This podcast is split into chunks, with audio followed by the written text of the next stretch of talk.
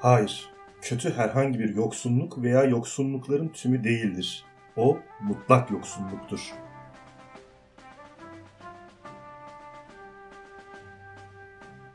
Merhaba, Filozofun Yoluna hoş geldiniz. Ben İlker. Ben Bilal. Filozofun Yolunda Plotinos konuşmaya devam ediyoruz. Bu haftaki konumuz da Plotinos felsefesinde madde ve doğa. Evet, geçen programda da duyurduk. Plotinos'un metafiziğinin ana öğeleri yani onun metafiziğinin açıklaması olan bu üç hipostas kuramına girmeden önce bir anlamda ona dahil olan ama aslında doğrudan içinde olmayan ve onun en alt basamağını oluşturan madde ve doğadan bahsedeceğimizi söylemiştik. Bu madde ve doğa programını dinlemeden önce Aristoteles'ten bolca bahsedeceğimizi hatırlatmak istiyorum size. Bunun için Aristoteles'in ontolojisinden bahsettiğimiz programı yeniden dinlemenizi tavsiye ediyorum eğer unuttuysanız. Şeyde linkini vereceğim bunun web sayfasında linkini vereceğim hangi programdan bahsettiğimi oradan bakabilirsiniz. Şeyi özetleyelim. Kısa çok kaba bir özetini yapayım. Burada Macit Hoca'nın güzel bir özeti vardı. Onun varlıkla ilgili. Sonra da bu doğanın ayrıntılarına tartışmalarıyla beraber girelim. Ona göre Plotinus için her yönü aynı yapıda olan varlıklardan oluşmuş bir dünya yoktur. Tam tersine bir aşamalar dizisi biçiminde oluşan bir evren düzeni vardır. Bu basamakların en altında madde, hile antik Yunancası bulunur. Madde cismin dünyası değildir henüz. Çünkü cisim belli niteliği olan bir şeydir. Cisim ideaların, ruhun aracılığını kullanarak niteliği olmayan madde üzerinde etkimeleriyle oluşur. Maddenin kendisinin hiçbir niteliği yoktur. Bir hiçtir madde. Var olmayandır. Dolayısıyla etkimesi de yok. Madde iyinin tam karşıtıdır. İdealara göre biçimlenmiş olan cisimlerde iyi yansıyabiliyordu. Salt maddeye ise birdeki iyiden hiçbir ışın dönmez. Madde tam bir karanlık içindedir. Birden ışınmaya başlayan parıltı öteki varlık aşamalarında azala azala sonunda maddeye tam bir karanlığa varır. Onun için madde birin her bakımdan tam karşıtıdır. Bu bilgiler ışığında dinleyelim. Hatta ben geçen programda söyleyecektim size. E, Macit Gökberk'in felsefe tarih kitabından sürekli bahsediyorum. Bunu temin etmenizi söylüyorum. Ama şöyle bir şey var. Az önce bölümü Macit Gökberk'in kitabından okudum. Macit Hoca bütün Plotinus'u 7 sayfada anlatmış. Fakat bizim ana kaynağımız olan Ahmet Hoca 250 sayfada anlatmış. Şimdi sizin elinizin altında böyle bir geniş kitap bulundurmanız, bir referans niteliğinde kitap bulundurmanız gerçekçi değil. Yani Ahmet Hoca'nın kitabı gibi çok sık kullanmayacak biri olarak. Ama Macit Hoca'nın kitabını alabilirsiniz. Fakat Macit Hoca'nın kitabını hiçbir şey dinlemeden, öğrenmeden, ek bilgi olmadan anlamanız kolay olmayabilir. Ama bizim programlarımızı dinledikten, notlarımıza göz yazdikten sonra Macit Hoca'nın kitabını alıp okuduğunuzda çok daha iyi anlayacağınızı göreceksiniz. Ziyadesiyle rafine, özetlenmiş bir şekilde. Öyle ki şey Ahmet Hamdi Tanpınar'ın kitaplarında da vardır bu. Sanki bir cümleyi çıkartırsan kitabın ahengi bozulacakmış gibi, gerçekten de bilgi eksilecekmiş gibi çok tasarruflu aynı zamanda güzel yazıyor Ahmet Hamdi Tanpınar. Macit Gökberk de öyle. Çok tasarruflu yazıyor. Tek bir fazla cümlesi yok ama tek bir cümlesi çıkarsanız kitaptan bir şeyler eksilir gibi. Bu kitabı elinizin altında bulundurabilirsiniz o anlamda. Geçmişte ya şu nasıl dediğinizde dönüp arkanıza bakacağınız zaman baktığınızda şöyle bir göz gezdirdiğinizde 10 dakikada özellikle buradan aldığınız bilgilerle beraber tamamıyla hatırlayacağınız hatta bazı eksik bilgileri tamamlayacağınız bir eser elinize almış olacağınızı göreceksiniz. Diyorum ve şeye tekrar dönüyorum. Plotinus felsefesinde maddeyi tartışıyoruz az önceki girişle beraber. Biz doğa filozoflarında ilk maddeyle ilgili tartışmaları görmüştük ve doğa filozoflarında maddenin varlığına ilişkin herhangi bir şüphe olmadığını görmüştük. Madde ile ilgili ilk şüpheleri nerede gördük biz Yunan felsefesinde? Nihilist Gorgias'ta gördük. O hiçbir şeyin olmadığını söylüyordu. Daha sonra da Platon'da gördük idealist anlayışla gerçeğin duyusal dünya değil tinsel dünya idealar olduğunu söylemişti. Aristoteles ve Stoacılarda da maddeyi form ve logosun dayanağı olarak görmüştük. Bu bahsettiğin tartışma sadece ontolojik ve doğa bilimsel kaygılar mı yapılıyordu? Tartışmalar büyük oranda doğa bilimine yönelik olsa da ahlaki ve dini bir yönü de vardı. Platon'a göre ruh tinsel alana ait bir varlıktı. Fakat maddi dünya zindanına ve maddi bedene düşmüştü ruhun kurtuluşunu engelleyen şey olan madde ruhun hazla ilişkisini de göz önüne alınarak evrendeki kötünün de kaynağı olarak görülüyordu. Doğal olarak tartışma bir anlamda dini ve ahlaki hüviyete bürünmüştü. En azından Platon açısından. Fakat Platon'u takip eden Aristoteles ve Helenistiklerde madde sadece ontolojik boyutuyla ele alınmıştı. Ve dolayısıyla doğa araştırmasının bir parçası olarak görülüyordu. bu filozoflara göre de maddenin ahlaki bir yönü yoktu. Öte yandan Plotinus'un bir Platoncu olduğu göz önüne alınırsa ya onun da Platon'a benzer bir tavır takınacağını düşünmek yanlış olmaz değil mi? Evet. Bu Plotinus'un eklektik ya da uzlaştırmacı tarafını burada biz yine karşımıza göreceğiz. Daha doğrusu onun eserinin yani ennatların farklı yerlerinde bu iki farklı görüşü de savunur halde bulacağız. Doğa gözlenen değişimi sağlayan, değişmeyen bir unsurun var olması gerektiği ve bunun da madde olduğu çıkarımına Aristoteles'in form ve madde kuramından aşinayız. Doğada gözlenen değişimi sağlayan, değişmeyen unsurun varlığından hep bahsederiz ya. Bütün doğa felsefesi ya bütün Yunan felsefesi boyunca bu tartışmayı hep sürdürdük. Bu var olan unsurun da form ve madde kavramlarıyla açıklandığını Aristoteles'te görmüştük. Plotinus bu konuda Aristoteles'e uzlaşı içindedir.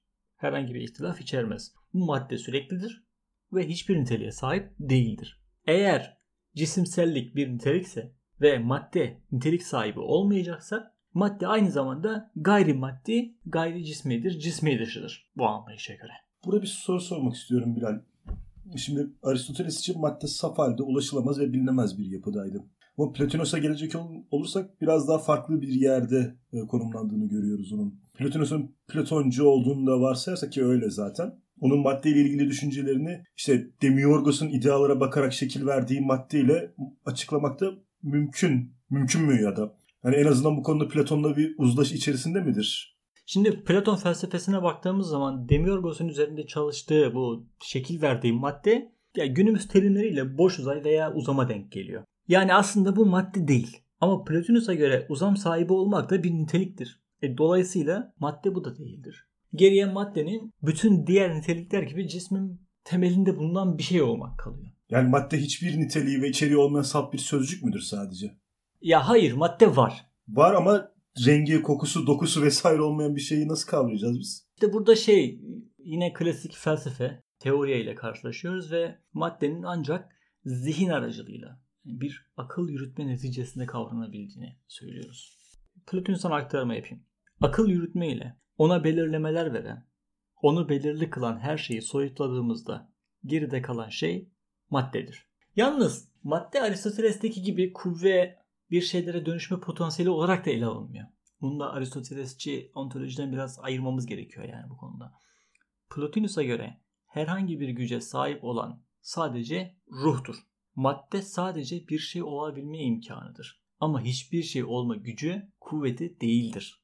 O Aristoteles'teki gibi göreli olarak değil mutlak olarak belirsizliktir. Aristoteles'te kuvvet dediğimiz şey bir şeyin bir şeye dönüşebilme potansiyeli, kuvvesi o şeyin kendisinde bulunuyordu. Yani çekirdeğin fidana dönüşme kuvvesi çekirdeğin kendi gücünde kendisinde bulunuyordu. Ama veya maddenin formla birleşip bir şeye dönüşmesi yine maddeyle, maddenin de böyle bir gücü vardı. Ama Plotinus'taki kuvve fiil ilişkisinde yani açıklaması, kuvve fiil açıklaması yoktur. Onda maddenin herhangi bir şeye dönüşme potansiyeli yoktur. Bütün güç ruhta yani formdadır. Peki Aristoteles'in form anlayışı burada korunuyor mu? Evet. Şeylerin meydana gelmesi yine formların maddeyle birleşmesi mümkün kılıyor aynı tasarımda. Platonus'un bu hiçbir niteliğe sahip olmayan, belirlenemeyen, tanımlanamayan madde anlayışı yine hiçbir pozitif nitelik atfedemediğimiz tanrı anlayışıyla da epey örtüşüyor gibi. Ya evet. Yalnız tanrı için sadece bir ve iyi niteliklerini kullanabiliyorduk. Yani negatif teoloji yaptığımızdan bahsetmiştik geçen programda. Benzeri şekilde madde için de belirsiz olan ve bir olmayan, çok olan, sınırsız. Apeiron kelimesi de kullanılıyor, kavramı da kullanılıyor. Sadece bu iki kelimeyi kavramı veya bu iki niteliği kullanabiliyoruz madde için. Bunun yanında hiçbir nitelik sahibi olamayan maddenin temelin, temelini oluşturduğu cismin de kendisinde bir gücü, kütle, ağırlık, ısı, ışık olmadığını görüyoruz. Plotinus'a göre bu güçler cismin kendisinden değil ruhtan kaynaklanmaktadır. Bu haliyle canlı varlıklardaki büyüme, akıl yürütme, tutku sahibi olma gibi özelliklerin de ruhtan kaynaklandığı sonucuna varıyoruz. Yalnız burada maddeyi öyle niteliksiz, güçsüz bir şekilde tanımlıyor ki neredeyse bize onu var olmayan bir şey gibi tanımlamaya sevk edecek gibi. Platonus da zaten benzer akıl yürütmeyi gerçekleştiriyor ve onun kimi zaman varlıkla yokluk arasında gölge gibi bir şey olarak tanımlıyor. Fakat şeylerin var olması için maddenin zorunlu olarak var olması gerektiğini de ifade ediyor. Kendisinden bir alıntı yapayım.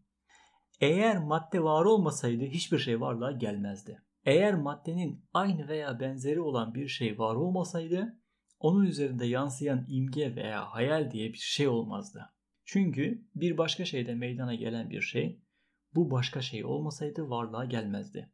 Şimdi bir imge bir başka şeyde meydana gelen bir şeydir. O halde bu başka şeyin yani maddenin var olması gerekir. Yani onun kurduğu metafizik için bu madde gerekli. Tasarlıyor adam yani. Kimse gidip kendisi de dahil yani. Maddeyi gören eden yok yani. Bu alıntıya baktığımız zaman da Aristotelesçi madde anlayışının yanında maddenin Platoncu bir anlayışta anlayışla olumsuz bir varlık, kötü bir ilke olduğuna ilişkin düşüncelerine ulaşmak da mümkün görünüyor. Yani madde sadece niteliklerin yokluğu değil, bu niteliklerin varlığına direnen, engel olan varlık olarak da yorumlanıyor. Maddenin bir tür gölge ve hayal gibi yorumlanması da eklenirse birbiriyle çalışan üç farklı madde görüşü olduğu sonucuna varabiliyoruz. Platon'da değinmiştik maddenin neden kötü olduğuna. Ee, ama Platonos'ta maddenin kötü olması nasıl açıklanıyor? Hiçbir şeye yani hiçbir niteliğe sahip olmayan bir şey nasıl kötü olabiliyor? Maddenin kötüleşmeden önce bu açıklamadan sonra da izah ettim. Evet, sistemi için gerekli bir şey. Ya idealist felsefeleri ben bu yüzden sevmiyorum açıkçası yani. Oturuyor yani şehir inşa edersin ya buna bu lazım, burada bu lazım. Ve burada kötülük problemi için bir şey lazım. Ne yapayım maddeyi koyayım o zaman. Hani tabii bu kadar basit düşünmüyor. Hani sistemin içine epey yerleşmiş durumda. Temelleri vesaire de var bunun ama ya ben hala felsefeyi öğrenemedim. Biraz garip geliyor bana. Yani idealist felsefeleri anlamıyorum. Yani bu tasarımcı anlayışı. Gerçi aynı anlayışın modern felsefelerde de, idealist olmayan felsefelerde de olduğunu görüyoruz bir yerde ama neyse bu konuyu daha sonra umarım biraz daha konuşuruz. Bir, iyi demiştik değil mi? Mutlak olarak iyi. Birden türeyen akıl ve akıldan türeyen ruh da iyiler. Ama her şeyin mantıki olarak zıttıyla var olduğunu düşünelim. Aristoteles böyle söylüyor. Zıtların bilgisi birdir diyor. O zaman bizim kötülüğü taşıyacak bir unsura ihtiyacımız olacak. Ve bu unsur da madde olacak. Yani kötüyü bir şekilde yoksunluk hali olarak mı açıklamaya girişiyor burada? En iyi tamamıyla form olan bir iken en kötü hiçbir forma sahip olmayan maddedir diyebilir miyiz? Sana şey cevap versin. Plotinus cevap versin İlker. Alıntı yapayım yine. Hayır, kötü herhangi bir yoksunluk veya yoksunlukların tümü değildir. O mutlak yoksunluktur. İyiden belli bir ölçüde mahrum olmak, kötü olmak değildir. Böyle bir şey kendi türü bakımından mükemmel bile olabilir. Özsel kötü, iyiden hiçbir biçimde pay almayan kötüdür ve o maddedir. Salt yoksunluk sadece iyi olmamadır. Kötü ise mutlak yoksunluktur, yokluktur. Kötü sadece iyiye sahip olmama hali değildir yani. Madde form sahibi olmadığı için, özünde kötü olduğu için, mutlak olarak kötü olduğu için kötüdür. Eğer o kötü olmasaydı başka bir şey kötü olmak zorunda kalacaktı. O da ruh olacaktı. Ki bu da mümkün değildir. Yani saf iyi olan birden yani Tanrı'dan uzaklaşmış olan ruhun zayıflaması ya da iyilikten uzaklaşması onun kötülüğü taşıyabileceği anlamını da e, insanın aklına getirmiyor değil bu arada. Platon'un kötü açıklaması bu şekilde de düşünülebilir elbette. Ama Plotinus böyle düşünmüyor. Platon'da nasıldı? İdealardan uzaklaştıkça madde kötüleşiyordu değil mi? Ama Plotinus'ta farklı. Evet, ruhta kötülük bulunabilir. Ama bu ruh ile maddenin bir arada bulunduğu durumlarda gerçekleşir. Saf ruhlar kanatlı ve mükemmel varlıklardır ve kötülük barındırmaz. Fakat bedene düşmüş ruhlar bu saflığı yitirirler. Peki kötülüğün tözsel varlığına ilişkin ahlaki gerekçelerde sunuyor mu Plotinus? Sana yine Plotinus'tan bir alıntı yaparak cevap vereyim. Kötünün gerçek bir şey olarak varlığını inkar etmek, zorunlu olarak iyinin de varlığını hatta arzu edilebilir olan herhangi bir şeyin varlığını inkar etmektir. O arzu etmeyi, kaçınmayı ve tüm akılsal eylemleri inkar etmektir. Çünkü arzunun nesnesi iyi olandır. Kendisinden kaçınılan şey ise kötü olandır. Her türlü akılsal eylem, bilgelik, iyi ve kötü olanla ilgilidir. O halde iyinin, saf olarak iyinin yani, olması gerektiği gibi karışık olan yani iyi ve kötünün karışımı, iyiden daha çok kötü olan ve nihayet açık olarak kötü olan var olmalıdır. Burada sanki Platon'un madde hakkındaki söylemlerinde biraz karışıklık varmış gibi görünüyor. Şöyle açıklayayım. Platonus bir yandan bağımsız varlığını inkar ediyor. Onu bir olumsuzlamaya indirgiyor. Ama bir yandan da ona tözsel bir varlık tanımlıyor. Öte yanda hem Aristoteles gibi doğa bilimsel bir kavram olarak ele alıyor hem de onu metafizik anlamda ruhun düşüşünün sebebi olarak gösteriyor. Şimdi onun felsefesinin temelindeki bu çatışma hali doğal bir şey mi? Yani bu sorun devam ediyor mu yoksa bir yerde nihayete eriyor mu? Hayır onun felsefesinin genelinde bir çatışma hali söz konusu. Bu felsefi ve dinsel tasavvurlar zıtlığının madde kuramında ortaya çıkmasından başka bir şey değildir. Plotinus esasen varlığın ontolojik ve ahlaki boyutlarında bir uyumluluk yakalamaya çalışıyor. Ontolojik olarak, varlık olarak bir şey ne kadar varsa o kadar iyi, ne kadar yoksa o kadar kötüdür formülünü Platon'dan hatırlayalım. Uyguladığımızda bu çatışma biraz anlaşılıyor oluyor.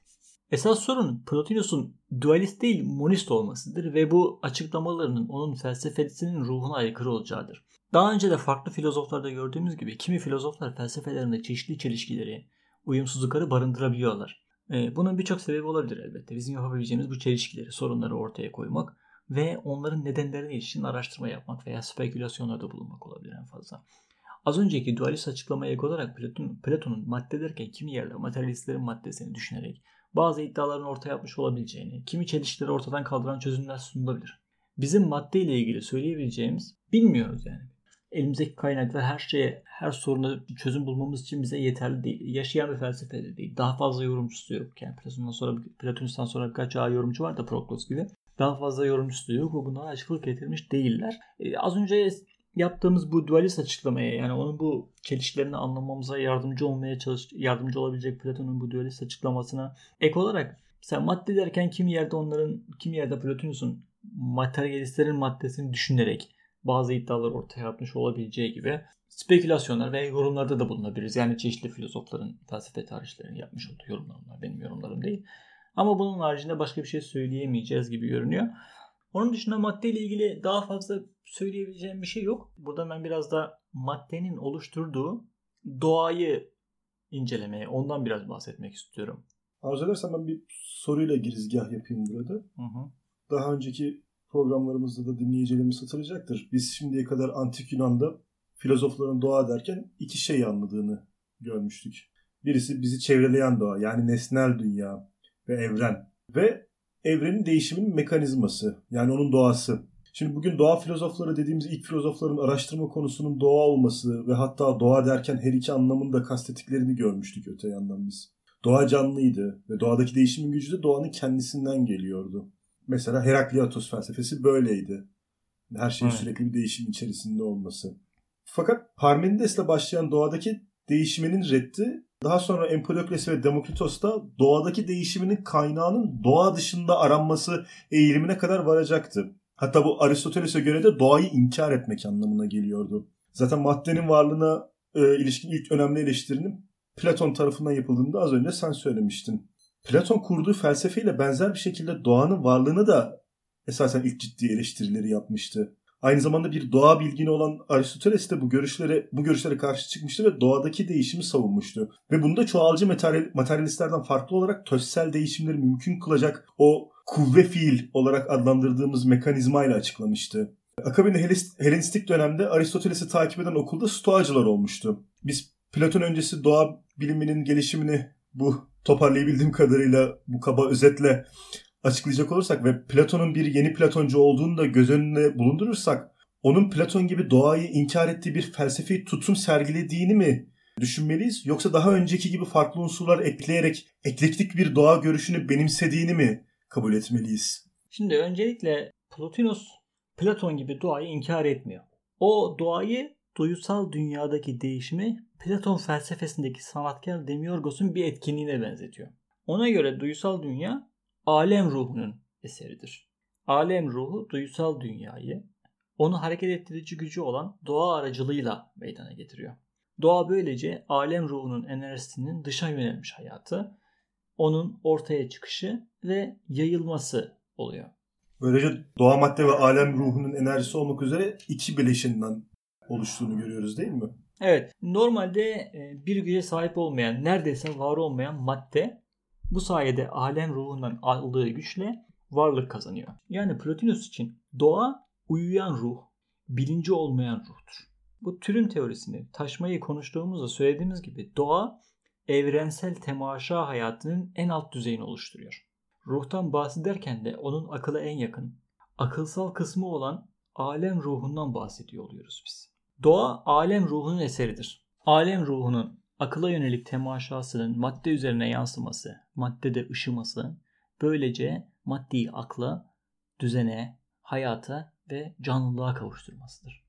Yani doğa, doğa filozoflarındaki gibi madde değil, formdur Plotinus'a göre. Bu anlamda Plotinus Aristotelesçidir. Onun Aristoteles'ten farkı Aristoteles'in maddesi belirli işleve sahipken Plotinus'ta bu durum söz, bu durumun söz konusu olmamasıdır.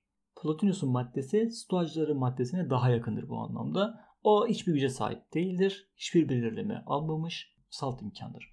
Kendisinden bir alıntı yapayım yine. Gerçekten doğa sadece bir form olmak zorundadır. O madde ve formdan meydana gelmiş değildir. Neyden meydana gelmiş peki? Ruhtur. Nedir yani formun kaynağı? Ruh mu? Evet ruh. Ama o zaman da doğayla ruhun özdeş olduğu anlamına gelmiyor mu? Geliyor evet. Doğa ile ruh özdeştir sonucuna varabiliyoruz. Platoncu bir tavırla alem ruhu akıllı temaşa ederek duysal dünyayı doğayı meydana getirir. Böylelikle doğa tinsel dünyanın son aşaması olan ruhun duysal dünya üzerindeki yaratıcı faaliyetinin bir isminden başka bir şey olmuyor. Alıntı yapayım. Alıntı yapayım. Enli Atlara kitabında Plotinus doğayı konuşturuyor. Şunu anlamalısınız diyor doğa. İlk olarak meydana gelen şey benim sessiz temaşamın, doğamın ürünü olan temaşamın eseridir. Ben kendim bu tür bir temaşadan doğduğum için doğal olarak temaşayı severim ve bu temaşa eylemim sonucunda temaşa ettiğim şeyi geometricilerin kendilerindeki temaşa gücü aracılığıyla geometrik figürlerini meydana getirdikleri gibi varlığa getiririm. Geometrici ile benim aramdaki fark şudur ki ben bir şey çizmem sadece seyrederim ve seyrederken maddi dünyadaki cisimlerin şekillerini meydana getiren çizgiler adeta bu seyretmenin sonucu olarak varlığa gelmiş olurlar. Alem ruhu ruhun en üst kademesi. Alem ruhu kendisini izliyor ve akıllı temaşa ediyor. Bu sırada evreni yaratıyor. Evren alem ruhundan taşıyor. Maddenin işlevi, maddenin burada sadece bir taşıyıcı görevi görüyor stoacılardaki gibi. O belirsizdir, olumsuzdur, cansızdır, hatta kötüdür. Fakat doğa belirli bir hayata, düzen ve güzelliğe sahip bir varlıktır. Ancak hayat kendisinden daha yukarıda olan ruh ve akılda bulunduğundan daha zayıf ve güçsüzdür. Bu yüzden duysal dünya ve doğa tinsel dünyanın ancak bir izi, tinsel dünyanın madde üzerinde yansıması, hayali gölgesidir. Bu yüzden gerçek anlamıyla var değildir. Gerçek hayat, gerçek temaşa, gerçek bilgi, gerçek eylem, gerçek güzellik doğal dünyada değil, ruhtan itibaren akılsal olan tinsel dünyada bulunur. Bu mekanizma belki de Plotinus felsefesinin en orijinal yanı olan estetik kuramını da açıklamak için kullanılıyor. Gerçek güzellik tinsel dünyada bulunuyor. Bizim bu doğal dünyada, duysal dünyada güzel dediğimiz şeyler ruhun maddeyle birleştikten sonra karşımızda güzel dediğimiz şeyler, güzel güzel maddeyi güzelleştiren şeylerdir. Ve bir şey alem ruhundan ne kadar çok pay alıyorsa, ondan ne kadar çok etkileniyorsa biz ona o kadar güzel diyoruz. Buna estetik kuramını biraz daha açıklayacağız.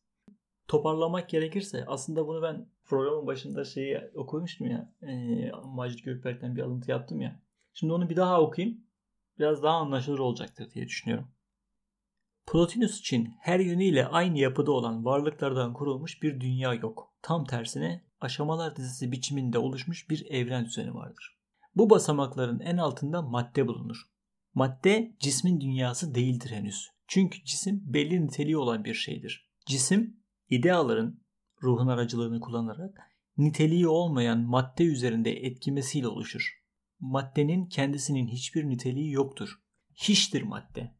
Var olmayandır. Dolayısıyla etkimesi de yok. Madde iyinin tam karşıtıdır. İdealara göre biçimlenmiş olan cisimlerde iyi yansıyabiliyordu. Salt maddeye ise birdeki iyiden hiçbir ışın düşmez. Madde tam olarak bir karanlık içindedir. Birden ışımaya başlayan parıltı öteki varlık aşamalarında azala azala sonunda maddeye tam bir karanlığa varır. Onun için madde birin her bakımdan tam karşıtıdır. Bir, Tanrı kendisini düşünür sadece, kendisini temaşa eder. Bu temaşa sırasında taşar, akıl ortaya çıkar. Nous. Nous kendisini ve biri düşünür. Daha sonra bundan ruh taşar. Bunu bir hocamız anlatırken şöyleydi.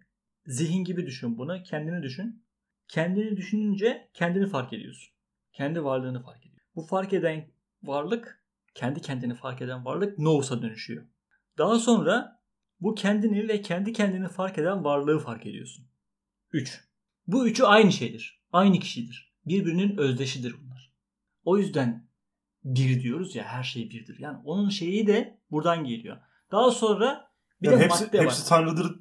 Hepsi tan hepsi tanrıdır diyebilir miyiz bu ilk üçünü? Tabii ki hepsi tanrıdır bunların. Ve bu ruh akıllı ve kendisini temaşa ederken maddeyle birleşiyor. Madde de sadece bir taşıyıcıdır. Hiçbir özelliği yoktur bunun. Yani taşıma özelliği bile yoktur yani. Hani hiçbir şey yok. O kadar yoktur ki ona yok diyoruz zaten. Belirsizdir o. Hiçliktir o. Maddeyle birleşiyor. Ve cisimler ortaya çıkıyor. Cisimler ve doğa ortaya çıkıyor. Ve bu taşma doğa içinde de devam ediyor. Doğa içinde de temaşa var yukarıya doğru. Ondan da sürekli bir şeyler taşıyor. Sanat gibi. En sonunda maddede karanlıkta nihayete eriyor. Tanrı'nın taşma süreci. Mutlak varlıktan mutlak yokluğa giden bir devamlı ve sürekli yaratım sürecidir bu. Taşma. Bir nevi füzyon görevi görüyor. Evet. Tanrı ile doğa arasında. Bir de başlıyor, maddede sona eriyor ve o güneş benzetmesindeki gibi sürekli tükenmeyen bir süreçtir bu. Varlık dediğimiz şey budur. Plotinus'ta. Ya bu konuyla herhalde açıklığa kavuşmuştur diye umuyorum İlker. Bu konu bu programda bitirelim. Bundan sonraki programda onun ruh, akıl ve bir. Üçünü bir anda bitirmeye çalışacağım. Uzun uzun açık açıklamalar yapmamayı düşünüyorum. Çünkü 3 programdır, 4 programdır bu mekanikleri yani birinde, akılında, ruhunda özelliklerini hep bahsettik yani akı, açık yani ayrıntılı olarak. Özellikle onlardan konuşmasak da çeşitli özelliklerini dile getirmiş olduk. Dinleyicinin kafasında yani, yani senin kafanda da bir şeyler oluşmuştur diye umuyorum. Sadece biraz boşlukları doldurmak gibi olacak. Biraz kaba bir özet olacak. Bitmese ayıracağım yani. En azından iki programa bölerim en kötü ihtimalle ama birinde bir programda bu üçünü de bitirip daha sonra da geri kalan felsefesini işte özellikle sanat felsefesini, estetiğini, ahlak felsefesini ve onun yeni Platonculuk takipçilerini de kısa bir özetini yaparız. İki programda, üç programda Plotinus'u bitirmiş oluruz. Kendinize iyi bakın diyelim. Görüşelim. Hoşçakalın.